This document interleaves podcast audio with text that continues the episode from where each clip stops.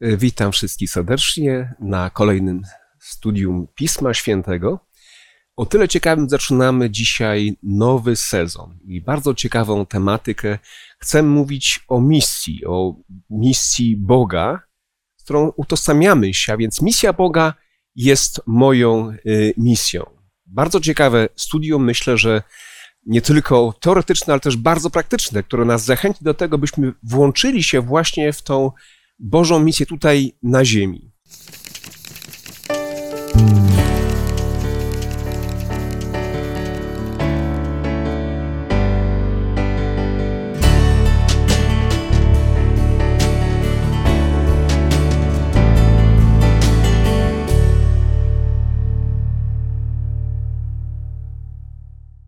Y, chcę przedstawić tutaj moich przyjaciół, którzy dzisiaj razem ze mną będą prowadzić to rozważanie. Ania, Zuzia, Marek. Ja mam na imię Mariusz. Jak zwykle chcę również i tym razem pomodlić się, prosząc Boga o szczególną mądrość, inspirację tutaj dla nas, ale także dla Was wszystkich, którzy będziecie oglądać właśnie ten program. Skłońmy nasze głowy w modlitwie. Ojcze nasz, który mieszkasz w niebie, święty, wszechmocny Boże, przychodzimy przed Twój majestat. Chcemy Ci, Panie, dziękować. Chcemy Ci dziękować za Pismo Święte, za to, że Ty w tym piśmie siebie nam objawiłeś, że objawiłeś nam siebie przez Jezusa Chrystusa. Dzisiaj będziemy dotykać tych niezwykle ważkich, ważnych tematów. Panie Boże, bardzo prosimy o mądrość od Ciebie, bo bez Ciebie nic uczynić nie możemy, bez Ciebie nic zrozumieć nie możemy. Prosimy o Twoje prowadzenie i daj mądrość nam i naszym słuchaczom. W imieniu Pana Jezusa o to bardzo proszę i dziękuję. Amen. Marku, jesteś nowym dyrektorem misji w Kościele Adwentystów Dnia Siódmego. Więc proszę Ciebie może jakieś prowadzenie, ponieważ to jest temat, który chyba w szczególny sposób leży Tobie na sercu. Myślę, że misja to nie tylko mi leży na sercu, ale nam wszystkim, jak tutaj jesteśmy, y, widzą i jest w ogóle esencjonalna dla samego chrześcijaństwa, bo z tego powodu y, tutaj jesteśmy, bo ktoś przyszedł i powiedział, ktoś wcześniej jeszcze tych poprzednich, y, i, a my dalej i żeby to robić jak najbardziej praktycznie, jak najpiękniej, jak najbardziej adekwatnie do czasów, w których żyjemy. To, co dla mnie jest szczególne w tym e, sezonie, to to, że autorami lekcji e, tych, tych materiałów są praktycy. E, z całego świata, ludzie związani e, z misją w różnych obszarach, e, czyli mamy tych, którzy pracują z postmodernistami, ludzi, którzy pracują z muzułmanami, z chrześcijanami wszelkich denominacji, z Żydami, religiami wschodu i ci praktycy zebrali swoje siły, żeby dać coś praktycznego, żeby to nie był tylko kwartał z pięknymi myślami, teologią, ale zróbmy coś. I, i to takie bardzo wyjątkowe, coś nowego. W, w, każdy, y, w każdym odcinku jest pewne wezwanie, które my też, e, myślę, będziemy akcentować. Zrób coś. Czasem to będą małe kroki, czasem coś większego, no właśnie, żeby robić te kolejne kroki.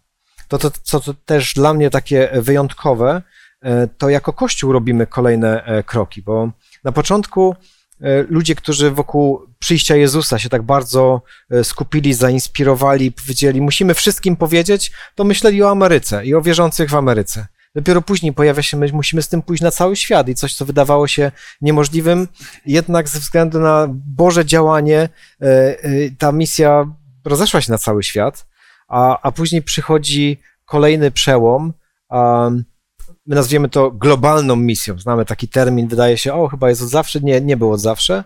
E, I to był taki przełom, gdzie spojrzeliśmy na misję w sposób. E, e, spójrzmy na ludzi tam, gdzie oni są i spróbujmy dotrzeć do nich tak, jak oni są. Dla mnie taki praktyczny przykład. Kiedyś, wiele lat temu, dotarłem do kościoła adwentystów w New Delhi wchodzimy, ja miałem takie myśli, to na pewno będzie kolorowo, pachnąco, e, będzie, będą ubrani w sari i będą siedzieć może na podłodze. Przychodzimy, a tutaj ludzie w garniturach czarnych, e, wszystko wygląda jak wyjęte z, gdzieś tam z amerykańskiego kościoła. No i globalna misja była, była takim przełomem. Spróbujmy głosić Ewangelię ludziom tam, gdzie oni są, w tym miejscu, żeby oni mogli to lepiej zrozumieć. A dzisiaj y, próbujemy sięgnąć jeszcze dalej, jak docierać do kolejnych grup ludzi, do których jeszcze nigdy nie dotarliśmy, więc rozglądamy się i szukamy ich.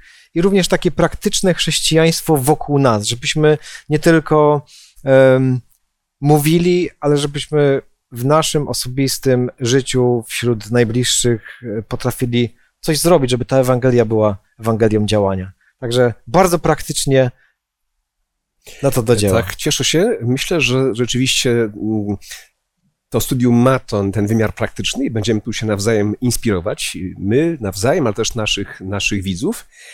E, ale musimy rozpocząć, prawda? Od takich teoretycznych rozważań. Słowo misja Boga to jest słowo, które zostało gdzieś tam kiedyś, to pojęcie stworzone przez misjologów. Ponoć w języku łacińskim jest to missio Dei, a więc misja, misja Boga. Ale spójrzmy od początku, czym w ogóle jest misja? Jakie macie skojarzenia? Gdy pada słowo misja, mnie to się od razu kojarzy z Kościołem. Ale czy znamy jeszcze inne znaczenia tego słowa? Mi się kojarzy z celem, jakieś okay. założenie, e, do którego ktoś dąży. Mhm.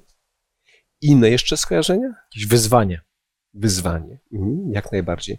Y, dzisiaj to słowo używane jest także w takim niereligijnym znaczeniu. Zobaczcie, mówi się na przykład o misji pokojowej, prawda? Misji dyplomatycznej. Jakie jeszcze mogą być misje? Medyczne. Me, misja medyczna, jak, jak najbardziej, prawda? Czasami dane miejsce, gdzie y, jakaś misja się odbywa, które służy temu celowi, też nazwany jest misją. Tak? I wiemy, tam jest misja adwentystyczna, tam jest misja luterańska, tam misja katolicka, prawda? tam jeszcze inna misja, więc zobaczmy, jak wiele różnych znaczeń ale mi też kojarzy się z pewnym konkretnym działaniem.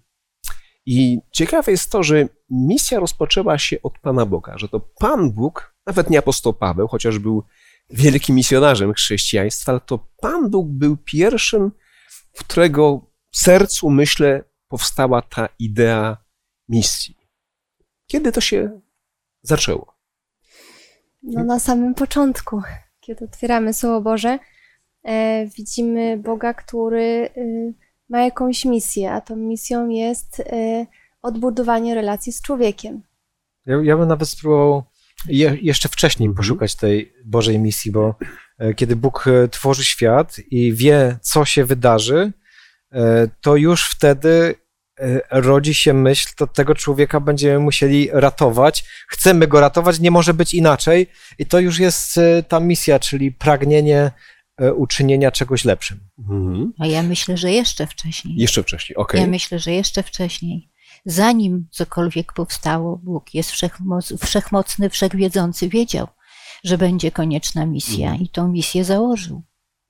Tak, z całą pewnością stworzenie jest też jakąś misją, misją tak. Boga, prawda? Tak Bóg jest. powołuje istoty e, na wzór i podobieństwo swoje, po to, żeby dzielić się z nimi miłością. To była szczególna misja Pana Boga, wiemy, że potem to się bardzo gwałtownie i szybko zepsuło. Nie będę mówił o szczegółach, ale wiemy, że wydarzył się dramat upadku w grzech.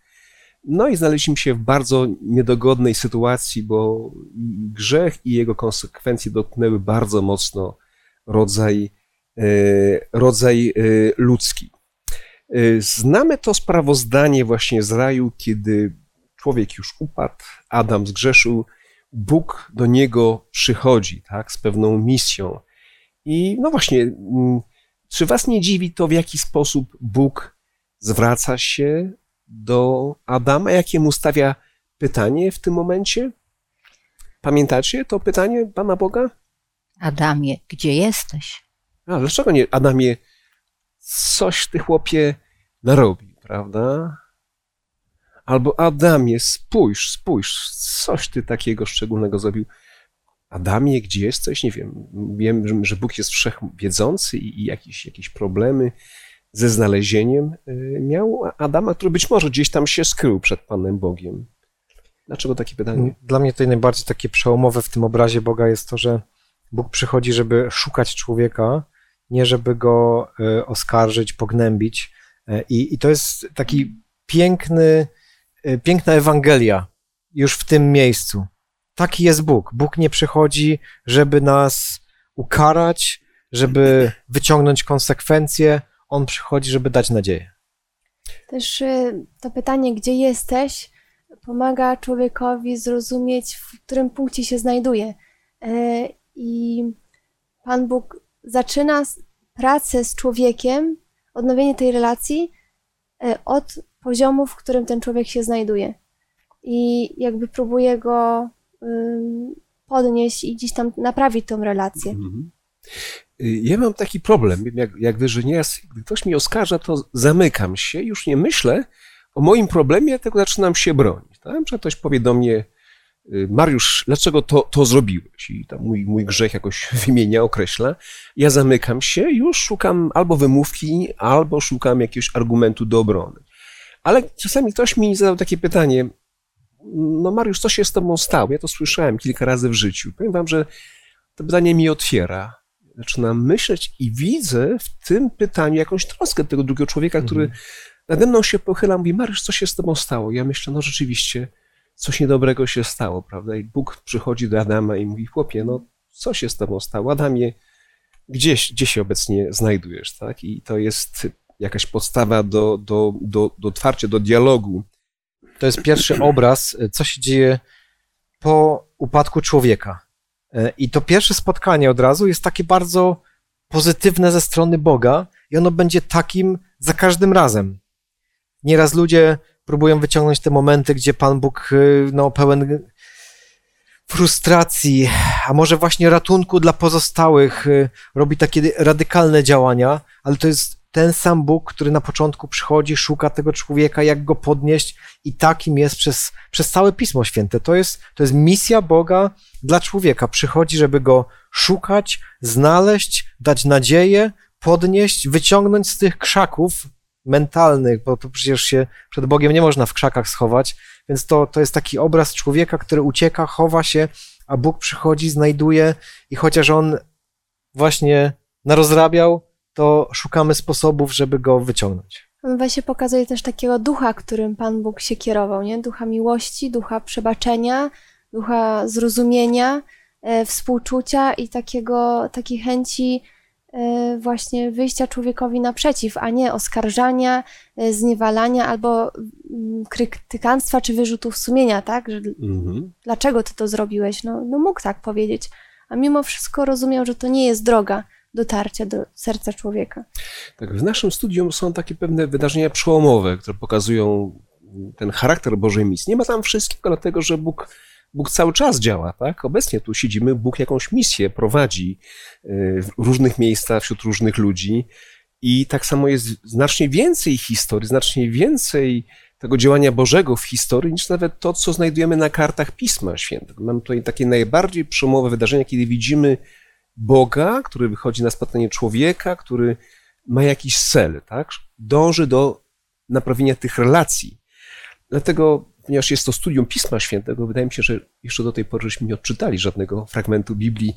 Warto to zrobić właśnie e, teraz, więc prosiłbym o odczytanie może dwóch fragmentów e, Pisma Świętego. Sięgnijmy do Księgi Rodzaju, 17 rozdział, 7 werset.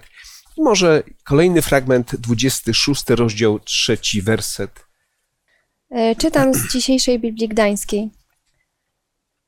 I otwierdzę umowę wieczną, moje przymierze między mną a Tobą i Twoim potomstwem w dalszych pokoleniach, abym był Bogiem dla Ciebie i dla Twego potomstwa. Tak, dziękuję bardzo. I Aniu, kolejny tekst, 26 rozdział, trzeci werset.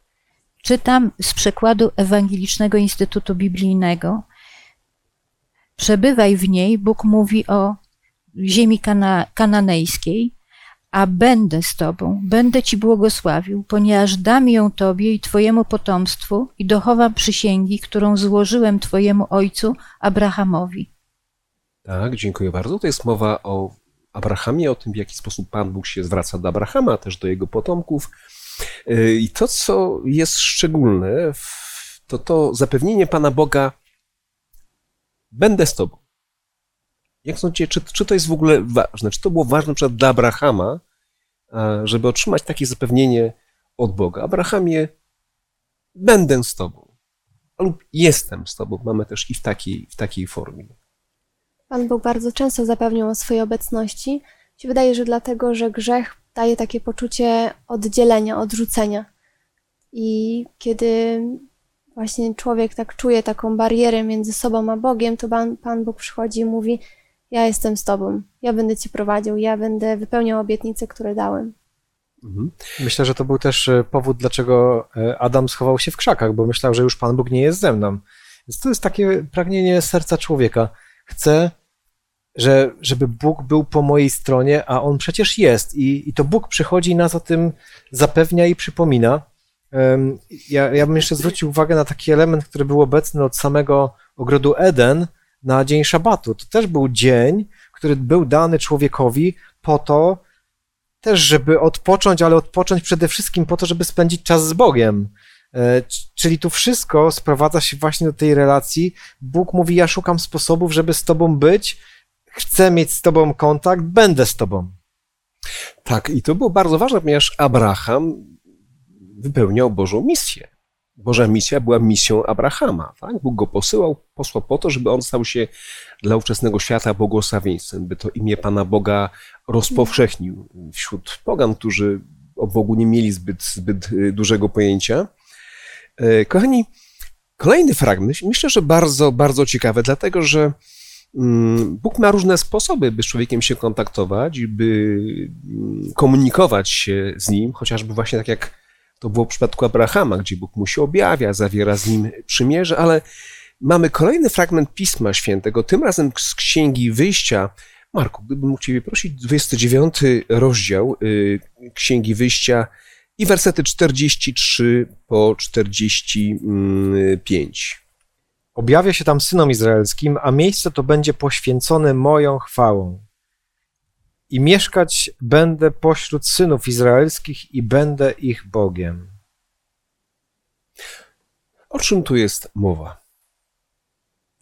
W tym, w tym fragmencie Bożego Słowa. W tym fragmencie jest mowa o świątyni, którą Bóg polecił Mojżeszowi zbudować, namiot spotkania, świątynię, e, w której e, w czasie wędrówki po pustyni objawiał się w postaci Szechiny e, w, tej, w, tejże, w tym, tejże świątyni. E, Świątynia stanowiła e, taki e, obraz, taką lekcję poglądową planu zbawienia. Wszystkie działania, ofiary, czynności w tej świątyni wskazywały na życie, ofiarę, śmierć, zmartwychwstanie Chrystusa. Ciekawa idea. Kiedy czytamy te wszystkie opisy w Starym Testamencie budowy przybytku, momentami możemy przeżywać jakieś takie znudzenie. Tyle szczegółów, prawda?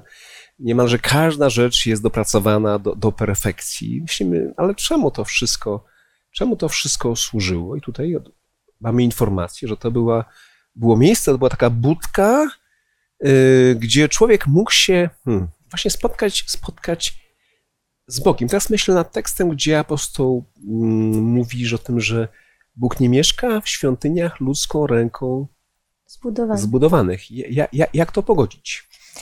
Może, może powiem. Naród izraelski składał się z dwunastu pokoleń i był formowany w szyku takim wojskowym przy marszu. Jak rozkładali obóz, to namiot spotkania, czyli ta świątynia, pierwsza świątynia, znajdowała się po środku e, tego obozu. Było dokładnie ściśle e, roz, rozplanowana obecność, znaczy mm, rozłożenie namiotów różnych pokoleń po czterech stronach tej świątyni.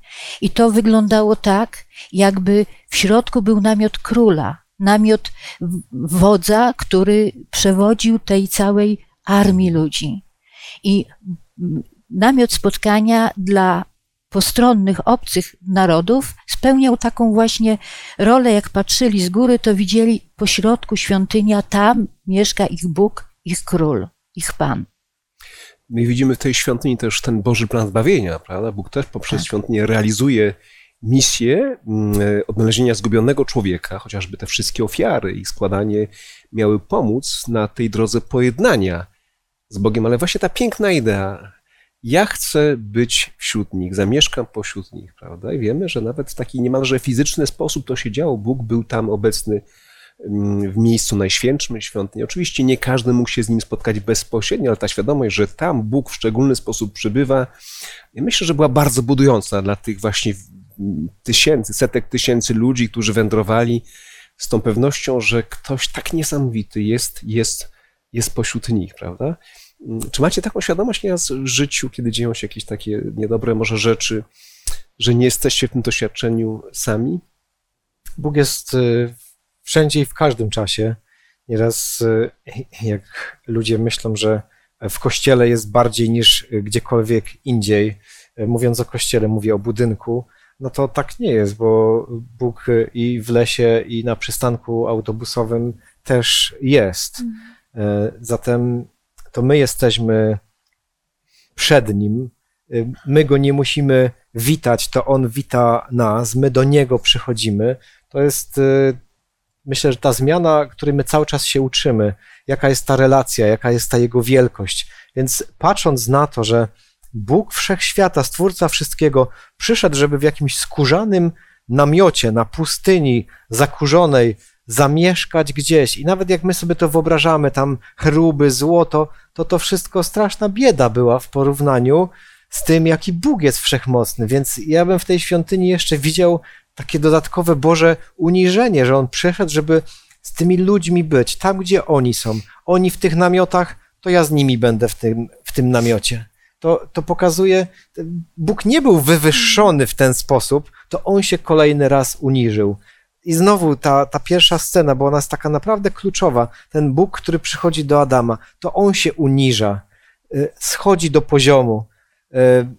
Nie przychodzi, żeby go przerazić. To, to jest dla mnie cały czas taki, taki obraz tego, kim ten Bóg jest i jak ta jego misja wygląda. Bóg, który zniża się do człowieka. My nieraz jak coś się dowiemy, my, my, my poznamy, to my już zaczynamy się tak lekko unosić i my teraz innym ludziom, my im powiemy jak jest, my ich tam wypunktujemy i powiemy, w czym oni się mylą, a, a Bóg jest zupełnie inny. Z Bóg, który wszystko wie, Bóg, który mógłby przyjść do Adama i powiedzieć, Adam, no niestety, wiedziałeś jak mm. będzie, e, kończymy, zaczynamy jeszcze raz, może będzie lepiej. Mm. Nie, Bóg jest tym, który szuka sposobów, żeby ratować, uniżyć się.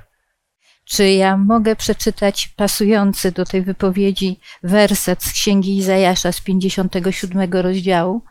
Jak najbardziej. Bardzo pasuje do wypowiedzi Marka.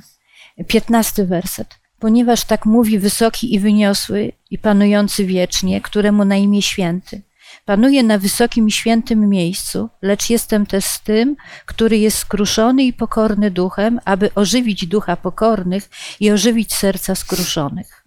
Bardzo dziękuję. Czasami w religii mówimy o tym, że człowiek robi jakieś kroki do Pana Boga, ale to jest chyba bardzo pozorne, te, te nasze kroki do Pana Boga. Za to Pismo Święte mówi Stary Testament i, i Nowy, jakie kroki robi Pan Bóg. Nieraz to były takie kroki olbrzymie kroki milowe, bo to był, sądzę, wielki krok Boga, ale Nowy Testament nam objawia ten największy krok, jaki Pan Bóg kiedykolwiek w historii zrobił właśnie w kierunku człowieka. I słów poproszę Was o, o, o przeczytanie tekstu Pisma Świętego, tym razem z Ewangelii według świętego Mateusza, rozdział pierwszy i wersety od 18 po 23 i tam dowiemy się o tym potężnym Bożym kroku w naszym kierunku. A z narodzeniem Jezusa Chrystusa było tak. Maria, ma, jego matka, została poślubiona Józef, Józefowi, ale zanim się zeszli, zaszła w ciążę za sprawą Ducha Świętego. Ale Józef, jej mąż, będąc sprawiedliwym i nie chcąc jej zniesławić, chciał ją potajemnie opuścić. Gdy nad tym rozmyślał, oto ukazał mu się anioł pański we śnie, mówiąc: Józefie, synu Dawida, nie bój się przyjąć Marii, twojej żony, bowiem to, co się w niej poczęło, jest z Ducha Świętego urodzi syna i nadasz mu imię Jezus, bowiem on zbawi swój lud od ich grzechów. A to wszystko stało się, aby się wypełniło, co Pan powiedział przez proroka. Oto dziewica będzie w ciąży i urodzi syna, i nadadzą mu imię Immanuel, co oznacza Bóg z nami. To jest niesamowite, to imię, które nadano Jezusowi, Immanuel, Bóg, y, Bóg z nami. Ja podzielę się takim doświadczeniem. Pracowałem zaczynałem pracę w zakładzie karnym i wydawało mi się, że wiem, jak to, jak to robić.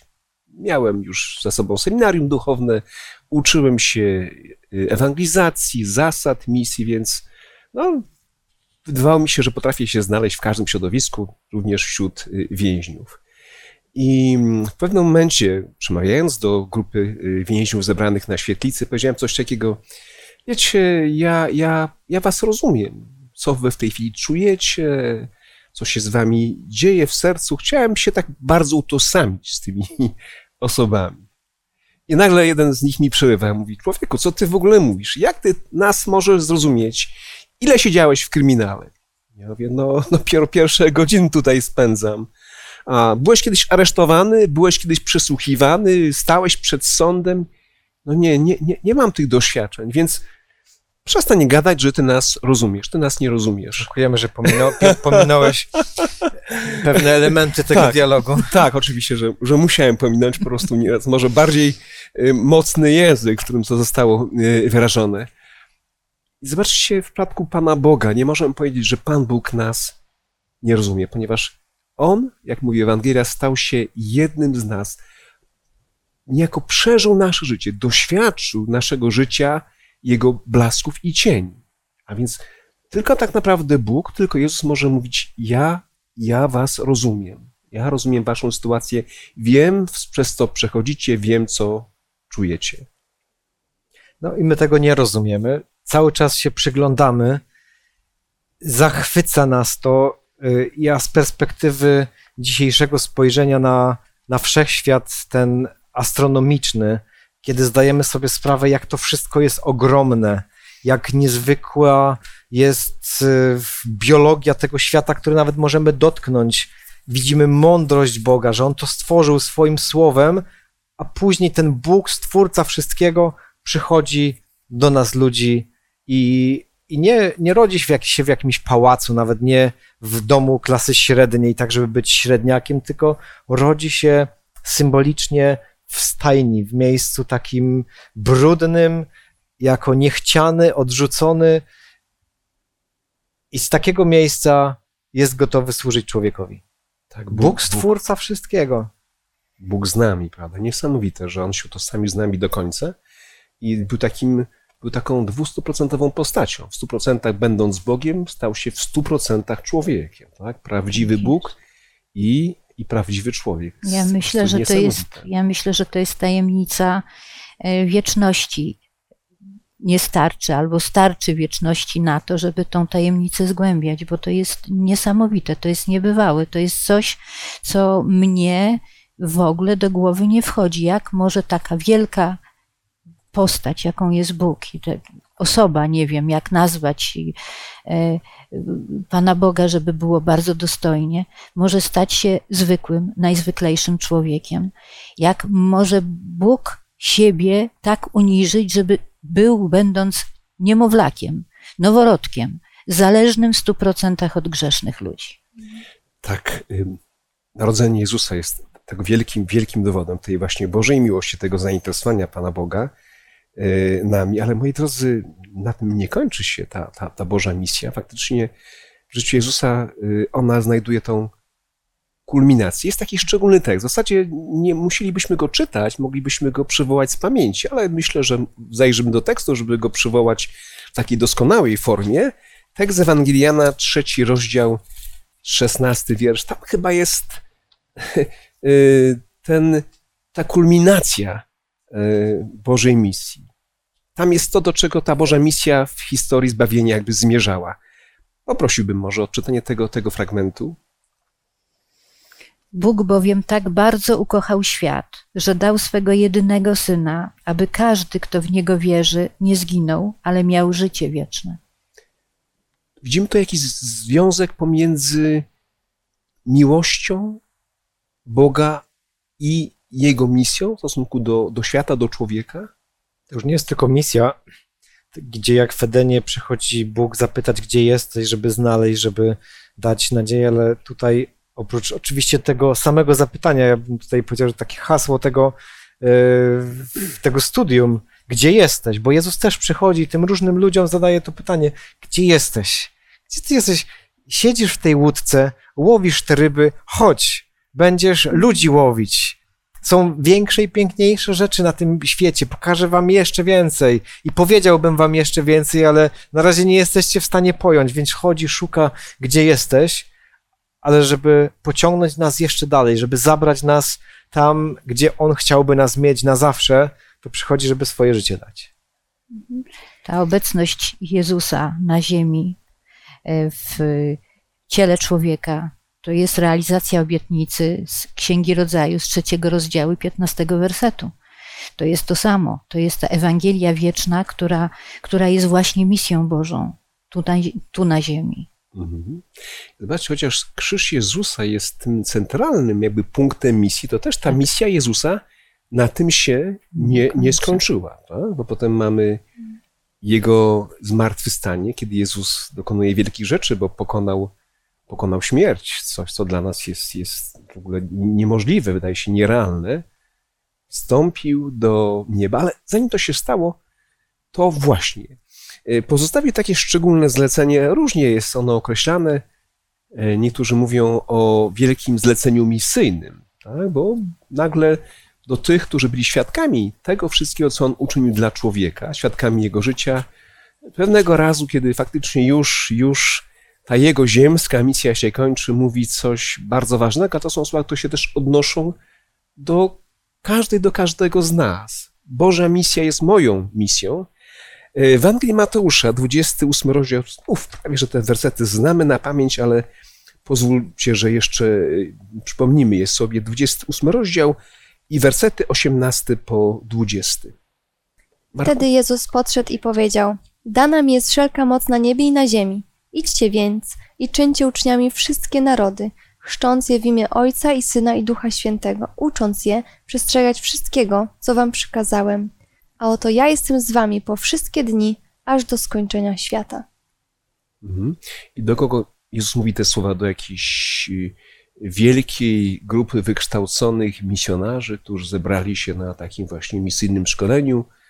Y, Wyposażeni są doskonale, mają środki, mają, mają do dyspozycji olbrzymią ilość y, Biblii, którą mogą, mogą rozdać, prawda? Korzystają z radia, z telewizji, z internetu. Paradoksalnie bym powiedziała, że oni byli świetnie przygotowani, Tak bo uważasz? oni towarzyszyli Jezusowi przez jego działalność na ziemi przez 3,5 roku.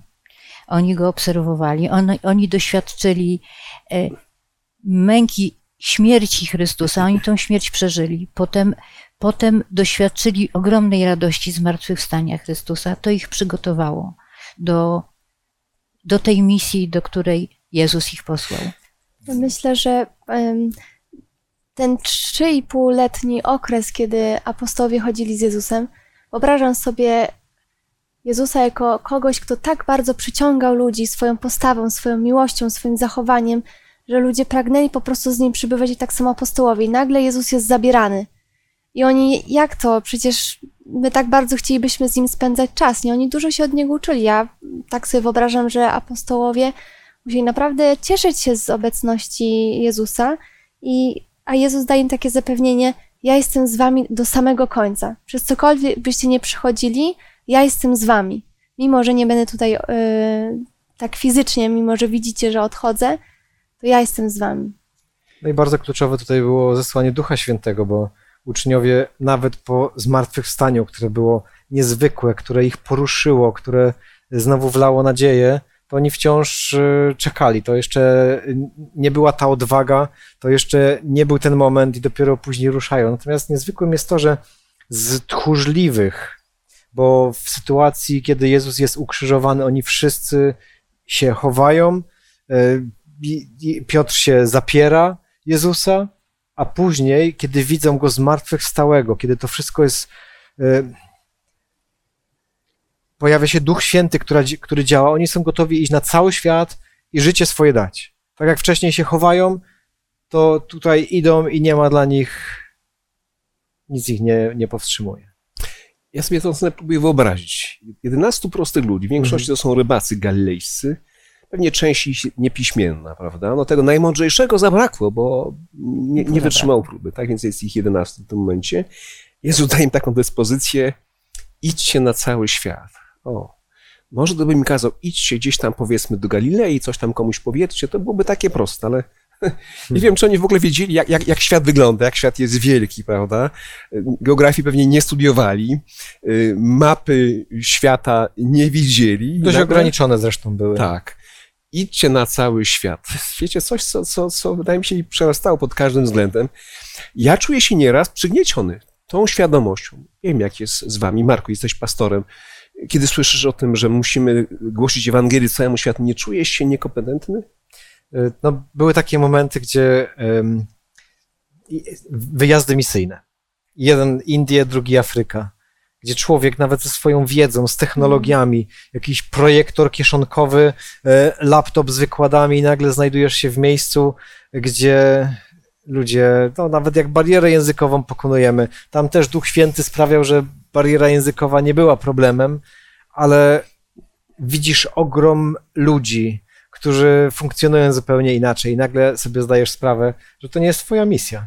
Że to my z całą naszą technologią, mądrością, teologią, to my tego nie dotrzemy do tych ludzi, żeby ich porwać, przekonać. To tylko Duch Święty. I oni właśnie nie patrząc na swoje możliwości, dali się porwać temu, który ma większe możliwości.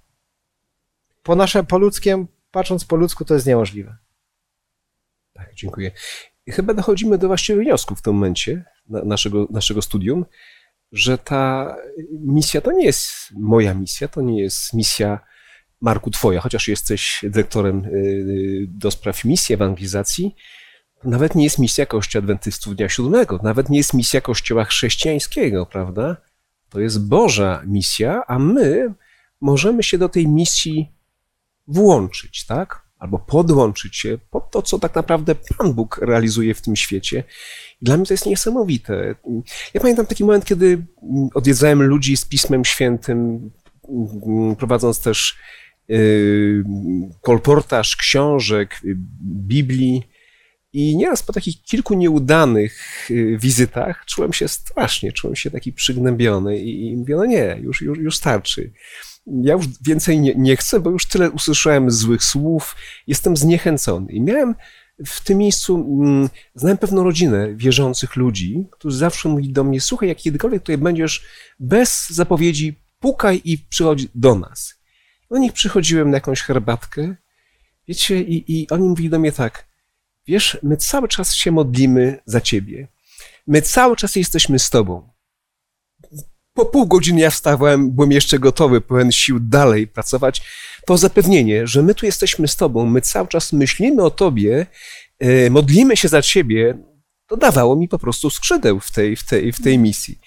Kochani, kiedy sam Jezus Chrystus, ten największy misjonarz, y, Bóg, który stał się jednym z nas, mówi: Słuchajcie, idźcie, ja, ja znam wasze słabości, waszą niekompetencję, wy nie macie tego, tamtego, ale ja będę z wami po wszystkie dni, aż do skończenia świata. To po prostu powinno nas uskrzydlać i zachęcać, i, i wszelkie jakieś bariery wewnętrzne w nas burzyć. I to jest wyzwanie tego pierwszego e, tygodnia, właśnie, żeby e, w, w modlitwie uświadomić sobie, że to nie jest nasza misja, to nie jest moje zadanie, ja jestem odpowiedzialny, żeby to osiągnąć, zrealizować jakieś strategie, choć to też jest e, ważne, żeby sobie wytyczać cele, z Bogiem planować, ale to jest Jego misja.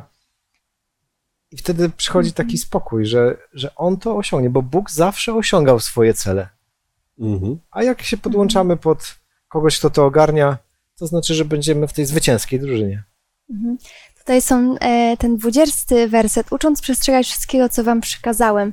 I tak jeszcze em, króciutko wracając do twojego pytania poprzedniego o, o e, to, jak my odczuwamy obecność Boga w naszym życiu, tak? Bo tutaj mówimy o obecności, o tym, jak Pan Jezus chce, Pan Bóg chce nawiązać tą relację z człowiekiem. E, zobaczcie, jak Jezus przyszedł, co On zrobił na tej ziemi. On objawił charakter Ojca, to jaki On jest, on przyszedł do człowieka, e, podał rękę trędowatemu, po, wskr- jakby pokazał, że mamy miłować swoich nieprzyjaciół, pokazał, jak faktycznie ma wyglądać Boże Królestwo. I wydaje mi się, że naszym zadaniem, e, właśnie to, co tutaj Jezus mówi, jest pójście i pokazanie tego, jaki jest Bóg, jego, jego charakter, bo trudno jest przebywać w obecności kogoś, kto, kogo może nie znamy, kogo nie wiemy, czy faktycznie on nas lubi, czy nas nie lubi, czy, czy się tak zachowa, czy nie. Zobaczcie, jak wrócimy do samego początku, Pan Jezus powiedział, gdzie jesteś? On od samego początku pokazywał, jaki on jest, że on chce tej relacji z człowiekiem, że on jest Bogiem miłości, Bogiem przebaczającym. E, I my też powinniśmy ten jego charakter objawiać. I to jest naszą misją, żeby wskazywać na Boga, wskazywać na jego charakter, bo wtedy człowiek sam będzie chciał przyjść do takiego Boga, nie?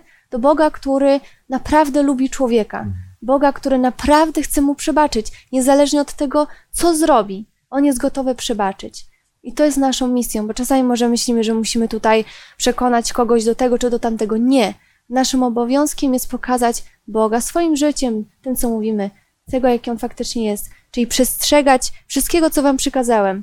No i w późniejszym czasie możemy sobie wrócić do tego, co Pan Jezus faktycznie pokazywał, będąc tutaj na ziemi, nie? Ale wydaje mi się, że jeżeli faktycznie człowiek widzi Boga, jakim on jest, to chce przybywać w jego obecności. I wtedy Pan Bóg y, tą misję odbudowania relacji może kontynuować i może naprawiać.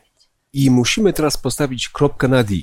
Mówimy o Bożej misji, bo, bo to tak naprawdę jeszcze nie koniec. Jest coś jeszcze niesamowitego przed nami, co powinno sprawiać, że my zerwiemy się z tych krzesełek po to, by właśnie o takim Bogu mówić innym ludziom. I pozwólcie na jeszcze jeden fragment Pisma Świętego, przepiękny, przepiękna obietnica Jezusa Chrystusa, zawarta w Ewangeliana 14 rozdziale i wersety 1 po 3. Teraz... Niechaj się nie trwoży serce wasze. Wierzycie w Boga i we mnie wierzcie. W domu Ojca mego wiele jest mieszkań. Gdyby było inaczej, byłbym wam powiedział. A tak idę przygotować wam miejsce, a jeśli pójdę i przygotuję wam miejsce, przyjdę znowu i wezmę was do siebie, abyście gdzie ja jestem i wy byli. I znowu ta tęsknota Pana Boga za nami, prawda? On tutaj był, żył jako jeden z nas, odszedł, zachowując nasze, nasze, nasze ludzkie ciało. I mówi, ja, ja tam będę, duchem będę też z wami, ale ja będę za wami tęsknił. I słuchajcie, kiedy już wszystko będzie gotowe, kiedy ja już wam tam przygotuję miejsce, oczywiście ja kiedyś myślałem, że Jezus tam zajmuje się jakimiś pracami mm, takimi remontowymi, że nam przygotowuje może łazieneczki, mebluje nam te przyszłe mieszkanka. No oczywiście rozumiemy, że Jego służba tam właśnie w niebie jako naszego pośrednika i kapana nam to miejsce pewnego dnia zapewni mówi i ja pewnego dnia po was powrócę, bo chcę Chcę być razem z wami, chcę być razem z wami. Zobaczcie inne fragmenty Pisma Świętego, chociażby ta wizja z Apokalipsy, gdzie widzimy Boga, który nie mieszka gdzieś tam daleko, prawda, w niebie, gdzieś na jakiejś może odległej planecie, ale Bóg będzie mieszkał razem z nimi. Taka jest obietnica Pana Boga, więc to jest ta kropka nad i, ta nadzieja, że Jezus Chrystus powróci i ona chyba dodaje szczególnej energii, szczególnej mocy chrześcijańskiemu zwiastowaniu chrześcijańskiej e, misji. A więc, e, kochani, przed nami szczególne wyzwanie. Przed, przed nami, oczywiście, i też przed naszymi e, widzami. A chciałbym, abyśmy w nadchodzącym tygodniu w szczególny sposób modlili się po to, aby Pan Bóg w jakiś sposób uświadomił nam to, że jesteśmy częścią Jego misji. Jesteśmy, Ty i ja jesteśmy częścią tej wielkiej Bożej misji, jest też takie bardzo konkretne jeszcze y, y, wyzwanie. Poznaj imię kogoś, to, kogo jeszcze nie znasz osobiście. To może być sąsiad, nie wiem, współpracownik, może kolega ze studiów, znajomy, który gdzieś tam wychodzi z pieskiem, prawda, i spotykamy się z nim. I spróbujmy zacząć się modlić właśnie o tą osobę. Ciekaw, jak to zmieni nas, jak to zmieni także tę osobę, za którą będziemy się modlić. Możemy, mm, mogę Was do takiego eksperymentu, Bożego eksperymentu w tej Bożej misji zaprosić. Zakończymy nasze studium wspólną modlitwą do, do Boga. Chcemy Ci podziękować, Boże, za to, że mamy taką możliwość, żeby studiować Twoje słowo. I to jest takie niesamowite, że jesteś tak cudowny, że czasem trudno w ogóle pojąć to wszystko, ale dziękujemy Ci za to, że Ty podjąłeś się tej misji ratowania nas. że mimo, że to my zgrzeszyliśmy, my e, odeszliśmy, to Ty nas tak nie zostawiłeś, tylko wyciągnąłeś rękę i wdrożyłeś swój pla- plan ratunkowy. Daj nam też taką, e, Boże, mądrość i taką umiejętność wyciągania też ręki do drugiego człowieka, abyśmy potrafili objawiać Ciebie takim, jakim naprawdę jesteś, aby ludzie mm, wokół mogli, patrząc na nas, na, na nasze relacje z Tobą, na nasze zachowanie, mogli wysławiać Ciebie i mieć takie ogromne pragnienie, żeby Ciebie poznawać. Chwała Tobie niech będzie za wszystko w imię Jezusa Chrystusa. Dziękujemy Ci. Amen. Amen. Ja dziękuję również i Wam za Waszą obecność, za te wszystkie cenne myśli, które padły. I żałuję, że nie będę mógł być tutaj za tydzień na kolejnym studium, ale nasi widzowie będą mieli taką możliwość. A więc Misja Boża, część druga, już w tej chwili zapraszam. Niech to nas inspiruje, niech to sprawia, że będziemy w tym tygodniu dużo myśleli właśnie o Bożej misji i o, o nas samych jako o jej części. Dziękuję bardzo.